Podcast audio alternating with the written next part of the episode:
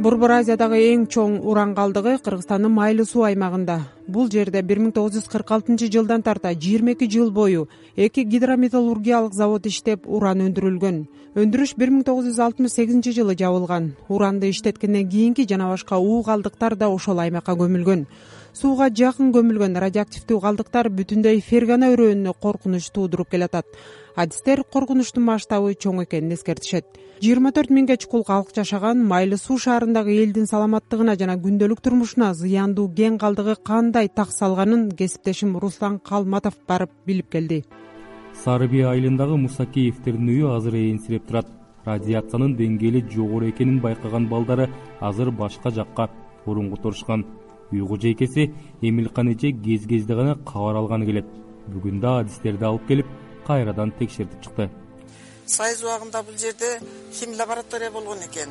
Биз билбей ушул жерде билбей сатып алып жашай бериптирбиз бул жерде али урандын таштандыларынан таштардан салынган здание бар эле мына жерде. Аны биз э, билбестен оңдоп солдоп алып кухня кылып ошондо тамак аш кармап ошол жерде жашап билбей жашай бериптирбиз анан кийин ооруй баштадык. Үй чалым эрте эле өлүп калды ооруп. Неберелерим урукчал болуп баштады. О тоонун башында өзүм беш бала туугам алардын баары здоровый болгон. Сары беш шаарчасы майлы суу шаарынын карамагындагы шаарча болчу союз тарагандан кийин айылда миграциянын агымы көбөйүп көп кабаттуу үйлөр ээнсиреп канализация тармагы да үзгүлтүккө учураган. Ошентип шаарча азыр айылга айланган мында үч миңге жетпеген гана адам калды. Бул жердин эми илгери э, мурун жакшы эле. Московское обеспечение болгон эми моундай өзүңөрдөй билип атасыңар майлы суу шаарында э, жер козголоңу көп болуп атат э, жана кептеген эме чыгып атат бизде чындыгында оорулар көбөйүп атат ар кандай оорулар болуп атат? Мисалы недоношенный төрөлүп атат выкидыш болуп атат сахарныйлар даже рак оорулары дагы көп болуп атат бизде. Бизге үчүн мисалы балдарыбызга кыйын болуп атат. Айылда үй бүлөлүк дарыгерлер тобу иштейт. Медициналык тейлөө дурус болгону менен акыбалы оор бейтаптарды жана төрөөчү аялдарды кабыл албайт. Аларды шаарга жөнөтүүгө туура келет. Эми медицина тарабынан бизде жабдуулар жетпейт оборудование жетпейт.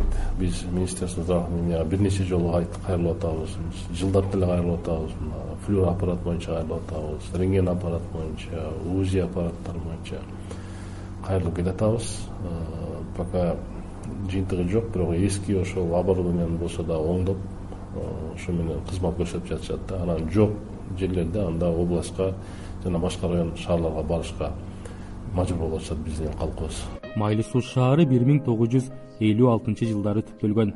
Союздун камсыздоосундагы шаар бүтүндөй сссрди электр лампалары менен камсыздап турган.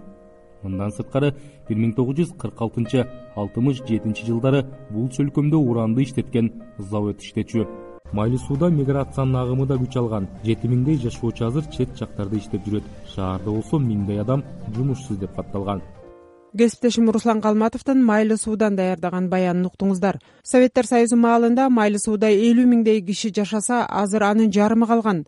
Атайын жүргүзүлгөн иликтөөлөр майлы сууда радиациядан улам майып төрөлгөндөрдүн саны арбып баратканын көрсөткөн уран калдыктарынын кесепетин изилдеген улуттук илимдер академиясына караштуу медициналык көйгөйлөр институтунун директору рахман тойчуев азаттык радиосуна иликтөөнүн жыйынтыгы тууралуу түшүндүрүп берди. Анда сөз кезеги кесиптешим сабыр абдымомуновдо рахман мырза мына бул майлы сууда уран калдыктарынын элдин ден соолугуна зыяны тийгизгени качандан тарта байкалган? Эми бул союздун маалында да болгон бул. Аны бирок ал убакта жанаг жабык система эч ким айктырган эмес да жанагы баштаганда биринчи токсон бешинчи токсон бешинчи жылы баштаганда ушул изилдөөнү баягы эски иштеген врачтар бар болчу да. Ошол менен сүйлөшсөк бизге данылардын көбүн койдурчу эмес. Жанагы жаңылдоону өзгөртүп койчу эле дешип ошо врачтар айтты эле да. Мына мисалы таасири азыр мына менин алдымда турат жанагы бүт токсонунчу жылдан берки жанагы тубаса оору менен туулган балдардын проценти турат да. Мына токсонунчу жылы кырк алты бала тубаса оору менен туулуптур токсон бир отуз сегиз кыскасын айтканда эгер процентке алып караганда ошол майлы суу шаарындагы тубаса оору менен туулган балдардын эмеси беш бүтүн ондон тогуз пайыздан башталып кээ бир жылдары тогуз бүтүн ондон үч пайызга чейин чыккан да. Азыркы убакта мына былтыр он жетинчи жылы эки жетимиш жети он сегизинчи жылы бир жетимиш төрт пайызга түштү мынабу баягы уран менен тубаса оору менен туулган балдардын процент пайызы. Эми бул эмне деген сөз? Бирок башка жакта мисалы ош шаарында башка жакта тубаса оору менен туулгандардын пайызы бир пайыздын тегерегинде. А майыл сууда мына азыркы убакта дагы эки эсе көп болуп атпайбы эки эсе үч эсе көп болуп атат да кандай оорулар болушу мүмкүн? Кандай оору да жанагы акыл эси кемчетте туулган балдар айрыкча анан жүрөктүн жана порог жүрөктү жүрөктүн порогу анан кийин жанагы башынын жарымы жок төрөлгөн балдар жанагы нышан төрөлгөн балдар анан болезнь дауна деп коет дауна менен туулган олигофрен менен туулган балдар көп да майылсууда себеби баягы уран калдыктары биринчи иретте нервный системага көбүрөөк таасир берет да. Орусча айтканда наиболее чувствительным является это нервная система деп коет эмеге уран калдыктарына. Ошол себептен көп. Анан экинчи бир проблема бул жакта жанагы богок оорусу барго зоб дагы аябай көп болот да мына азыр биз иштеп атабыз бул жөнүндө как раз ушу токсон бешинчи жылдан бери. Зобду бир топ азайттык рахман мырза ооба ушул мына айтып атасыз токсонунчу жылдардан бери иликтеп байкоо жүргүзүп келатабыз депчи.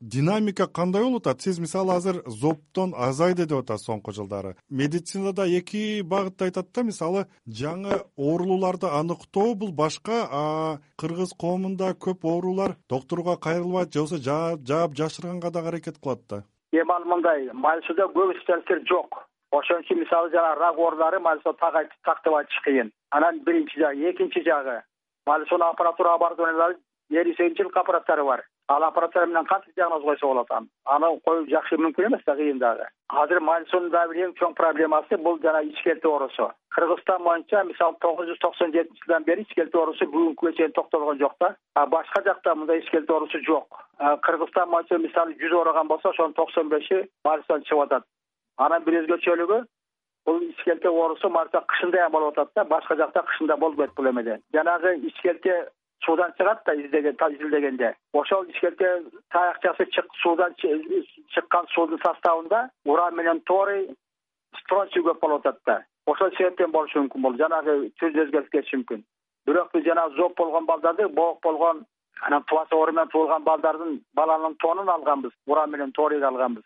Ошо эмелерине анан тиги боок болгон балдардын чачын алганбыз. Ошол чачында уран беш эсе көп болуп атат нормага караганда. Ал аябай чоң проблема. Торий болсо бир жыйырма сегиз процентинде нормадан көп чыгып атат. Ошол баягы боок болгон балдардын арасында. Бул генофонд да мунун баардыгы мына бир кыйла калктуу айылдар э, шаарчалар бар экен.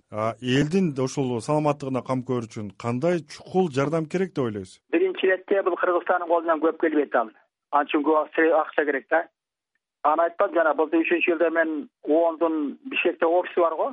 Ошол жерде азени ажела деген жигит бар жанагы оондун жетекчиси жүрбөйбү. Ооба. Ошол жерге барып мен суу шаарында толук презентация кылгам доклад жасагам бир сааттык доклад. Анан ошол жигит колдоп анан кийин жанагы европейский банк развития деген реконструкция деген. Ошонун директору кейн деген жигит менен сүйлөшкөнбүз безград менен сүйлөшкөнбүз. Алар азыр сууга комплексный проект кылып атат отуз төрт миллион евро бөлүп атышат эмеден. А комплексный кылганда эмне кылат? Ошол жерге жанагы инфраструктура деп коет ооруларды карай турган врачтарга аппаратура оборудование анан кийин жанагы социальный жумуш ордун түзүү боюнча жанагы олигофрен балдар барго акыл аз кемчоктой балдар ошол жок дегенде бизеке тикенге жасаганга үйрөтүп турган эмени коюп атат да. Зарыл деген нерселерди ошол курула турган э, жабдыктардын зарыл дегенин ким ким аныктап ким тизмелейт анын баарын тизмесин канча аппарат керек кандай аппарат керек баардыгын мен тизмесин бергем аларга ал былтыр ал презентация кылганча биз булар менен көптөн бери мындай кат алышканбыз да талкуулаганбыз бул маселени эки жолу жолукканбыз анан акырында ошол жанагы мен презентация кылып анан ошондон кийин көп маселе чечилди да. Болбосо мурун жанагы уран калдыктарын алып коюп кете беришчү эле да аны алып коюп кеткенден кийин ал дагы эле калып атпайбы көп нерсе. Толук чечилген жок. Эми мында азыр толук алынат да баардыгы мындай коопсуз жерге алып барып көмүлөт эмеден антпесе болбойт мунун баардыгы. Анан аякта дагы элдин баягы немеден тиги ламповый заводдон башка аякта өндүрүш да жок да. Ошого эмки тиги инвалид балдарга инвалид балдарга эмес бар жалпы элге ошол жанагы бир жумуш менен камсыздандыруу маселесин чечип атышпайбы. Элге кандай кеп кеңеш берип кетет элеңиз кыскача? Элге биз биринчи иретте жанагы биз анын баарын календарь кылып жасап элдин баарына таркатып бүткөнбүз үч төрт жолдон алып барып бергенбиз. Жанагы бруцеллез оорусун кантип алдын алыш керек ичкелтени кантип алдын алыш керек ооруларын кантип алдын алыш керек богоктун ордуну кантип алыш керек ошонун баарын биз элге бергенбиз. Себеби биринчи жанагы айрыкча этаж жүзүндө тургандарга влажный уборка деп коет. Себеби кээ бир үйлөрдө айрыкча жана шаардын ичинде үйлөр бар го ошондо радон бир аз жогорураак да ошол радонду азайтыш ошондо влажный уборка керек. Анан шамалдатыш керек үйлөрдүн баардыгын кээ бир жерлерде жанагы уран калдыктары көмүлгөн жерде үйлөр бар анча мынча ошол жерге суу койгондо эгин эккенде баягы суунун тайнагын чыгарыш керек эмес да себеби ал дайрага түшүп кетет барып тамак аш жөнүндө негизинен жанагы көбүрөөк жемиштерге жана витамин ссы көп жемиштерге мисалы ит мурунду колдонсо болот аябай эле көбүрөөк колдонсо ит мурунду көбүрөөк колдонуш керек. Анан жанагы смородина бар го бөрө карагат. Ошо бөрө карат жакшы эме кылат анан кийин жанагы кызылчанын салатын көбүрөөк кылса болот себеби анда пектин деген заттар бар. Анан кийин негизгиси айран сүт. Айран сүттү көбүрөөк колдонуш керек. Ошондо жанагы ичтеги флораны нормалдаштырып анан ошо алдын алып коет айран сүт ичкендерди көбүнчө. Кыскасын айтканда жанагы көбүрөөк э, искусственный жасалма тамак ашка эмес табигый тамак ашка көбүрөөк көңүл бөлүш керек да. Рахмат сизге уран калдыктарынын кесепетин изилдеген улуттук илимдер академиясына караштуу медициналык көйгөйлөр институтунун директору рахман тойчуевду азаттыктын журналисти сабыр абдымомунов кепке тартты. Кыргызстанда жалпы токсон эки уу калдык сактоочу жай бар болсо анын отуз алтысы майлуу сууда жайгашкан. Алардын жыйырма үчүндө уран калганында радиоактивдүү тоотектердин жыйындысы оор металлдар цианид бар. Уу заттарынын жалпы көлөмү үч миллион куб метрди түзөт эки миң төртүнчү жылы майлуу сууда зыяндуу заттарды коопсуз жакка көчүрүү жана ал жерлерди тазалоо заманбап технология менен калдыктарды жок кылууга багытталган долбоор ишке киришип дүйнөлүк банк ага он бир миллион доллар бөлгөн. Америка кошмо штаттарындагы блэк смис институт деп аталган экологиялык фонд эки миң он төртүнчү жылдагы иликтөөсүндө майлуу сууну дүйнөдөгү эң булганган он шаардын катарына кошкон интернет менен роботтун заманында атмосфера булганып климат өзгөрүп жаткан маалда жашыл планетаны кантип сактап калабыз? Табиятка аяр мамиледе болуп өзүбүз жашаган аймактын экосистемасына кам көрүп туруктуу өнүгүүгө салым кошо алабызбы? Азаттыктын жашыл планета программасында экологиялык көйгөйлөрдү көтөрүп климаттын өзгөрүүсүнүн биздин жашоого тийгизген таасиринен кеп салабыз. Жашыл планета эл аралык коомчулук мындан отуз кырк жыл мурун көмүлгөн уран калдыктарын зыянсыздандыруунун аракетин көрүп жатса кыргыз бийлиги тоң районунун көк мойнок айыл аймагындагы кызыл омпол уран кенин иштетүүнүн алдында турат. Буга байланыштуу жергиликтүү эл да экиге бөлүнүп калган. Бир катар тургундар экологияга чоң зыян келет деп караманча каршы болсо айрымдары кен иштеп кетсе элеттиктерге иш табылып жергиликтүү казынага каражат түшүп жашоо турмуш оңолот беле деген үмүттө ысык көлдөгү кабарчыбыз асейим мадамбеков кен жайгашкан жердеги тургундарга барып алардын пикирин угуп келди.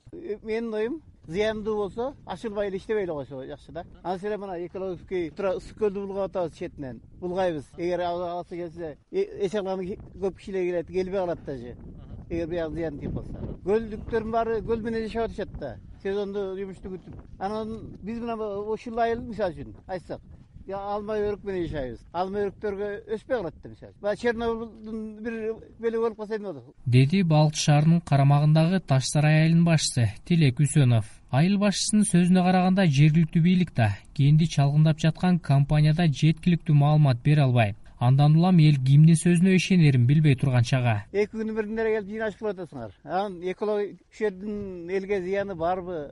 Могу жерде жашагандарга зыян тийбейби? Экологический бир анализ чыгарып туруп анан бир кагазды көрсөтүп келсеңер ошондо ишенет элек да. Балыкчы шаарынын карамагындагы орто токой айылынын эли кен казылып өндүрүштүн иштеп кетишин туура көрөт. Бирок алар балыкчы шаарынын карамагында болгондуктан кенден эч бир пайда көрө албай калабызбы деп кооптонушат. Алардын бири орто токой айылынын тургуну жолдошбек мындай деди. Бизге эчтеке могу эки жерден соц пакет андай мындай балыкчы шаарына карап калсак эчтеке бөлүнбөйт экен. Могуэки иштеп азыр ачылып аткан жаңы уран кени ачылса дагы соц пакетке биз кирбей калат экенбиз бирок ушул зыяндуулугу жагынан же болбосо территориясы жагынан эң эле ошол ачылып аткан урандан эки үч километр эле түбүндө туруп атабыз.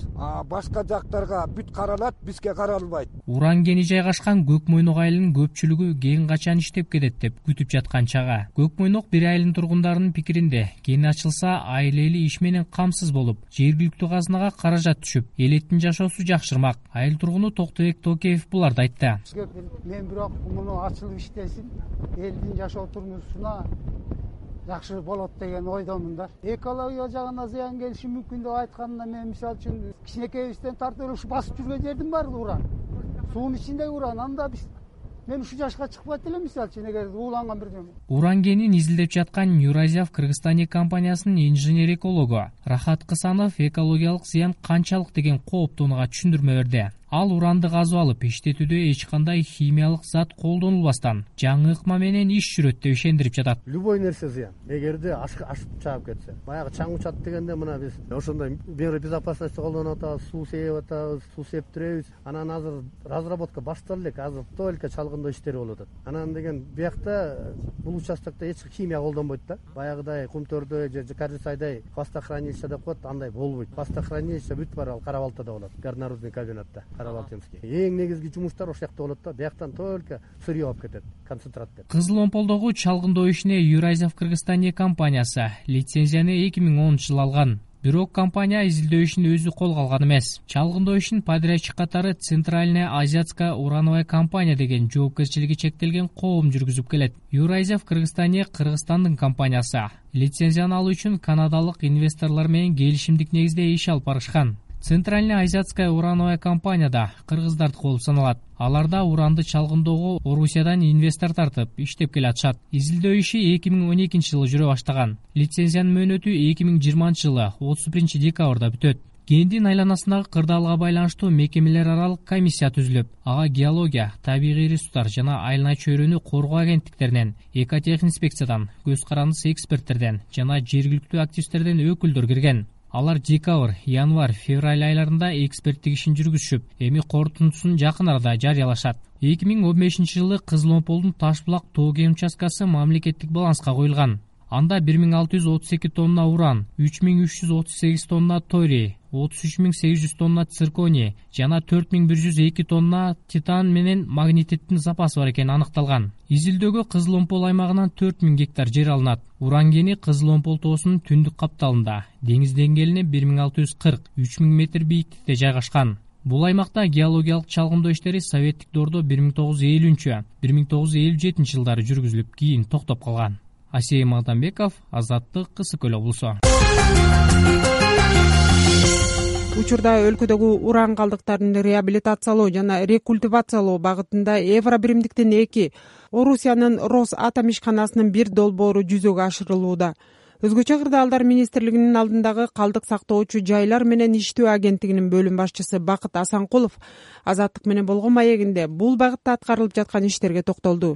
Анда сөздү сабыр абдымомуновго узатам бакыт мырза мына былтыр европа биримдиги фергана өрөөнүндөгү уран калдыктары көмүлгөн жайларды реабилитациялоо долбооруна мына он миллион евро бөлө турган деп маалымдалган эле ошол каражаттын канчасы кыргызстанга тиет?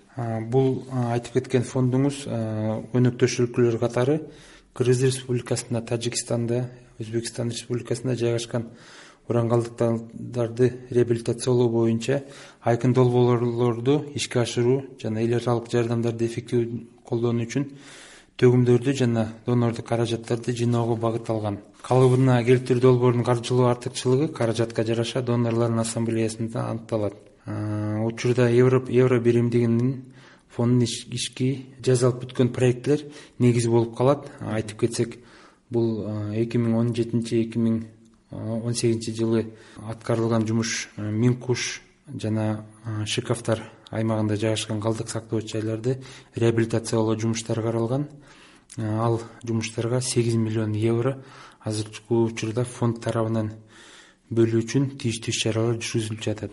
Анда ошол э, эки жерге бөлүнө турган болсо айткан долбооруңуздун кайсыл эмеси жүрүп жатат? Аткарыла баштады да э? Эки миң он алтынчы жылы он тогузунчу июлда э, тийиштүү мыйзам менен ратификациялангон проект э, убагында эки миң он жетинчи жылы башталып эки миң он сегизинчи жылы март айына чейин висутек консорциум тарабынан тийиштүү иш чаралар жүргүзүлгөн. Ошол иш чаралардын экинчи этабы азыркы учурда башталып жатат. Ошол каралган сегиз миллион еврого курулуш монтаждоо жумуштарга даярдык көрүү үчүн тийиштүү экспертизаларды тийиштүү мамлекеттик органдар менен азыркы учурда жумуштар жүргүзүлүп жатат. Айтып кетчү нерсе бул бул проекттин алкагында биринчи этабында бул ошол жерде жашап аткан элдин биринчи негизги эмеси суу проблемасын сууга зыяндыгын ошонун баарын карап чыгып тийиштүү мамлекеттик органдар менен биргеликте иш жүргүзүлүп атат саламаттык сактоо министрлиги менен убагында тийиштүү иш чаралар жүргүзүлгөн. Ошол жердеги эл менен встречалар жүргүзүлүп радондун буга зыяндыгын текшерүү үчүн тийиштүү экспертизалар өткөн. Бакыт мырза ушул кыргызстанда ушул уран калдыктары көмүлгөн канча жай бар? Ошол өкмөттүн э, аларды реабилитациялоо иш планы этаптары тууралуу айтып кетсеңиз. Азыркы учурда кыргыз республиканын өзгөчө кырдаалдар министринин алкагында э, отуз үч калдык сактоочу жай э, жана жыйырма беш калдык кени он эки миллионго жакын объемунда калдык сактоочу жайлар бар. Анын ичинен алты миллион куб бул радиоактивдүү. Анын ичинен андан тышкары беш миң э, алты миң алты миллион бул токсикалык калдык сактоочу жайлар.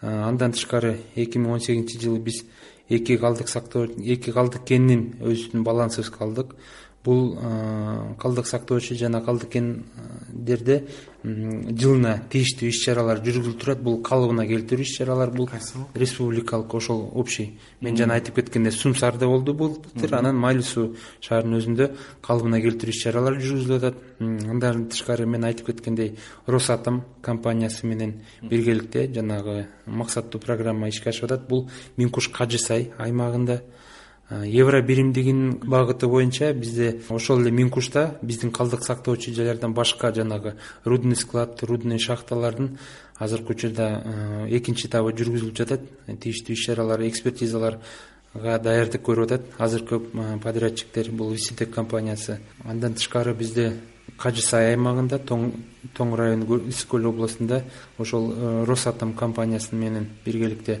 программа эметип атат ал программанын алкагында бул жердин рекультивациялоо жумуштары бүтүп азыркы учурда объектини тапшырууга даярдык көрүп атабыз рахмат сизге.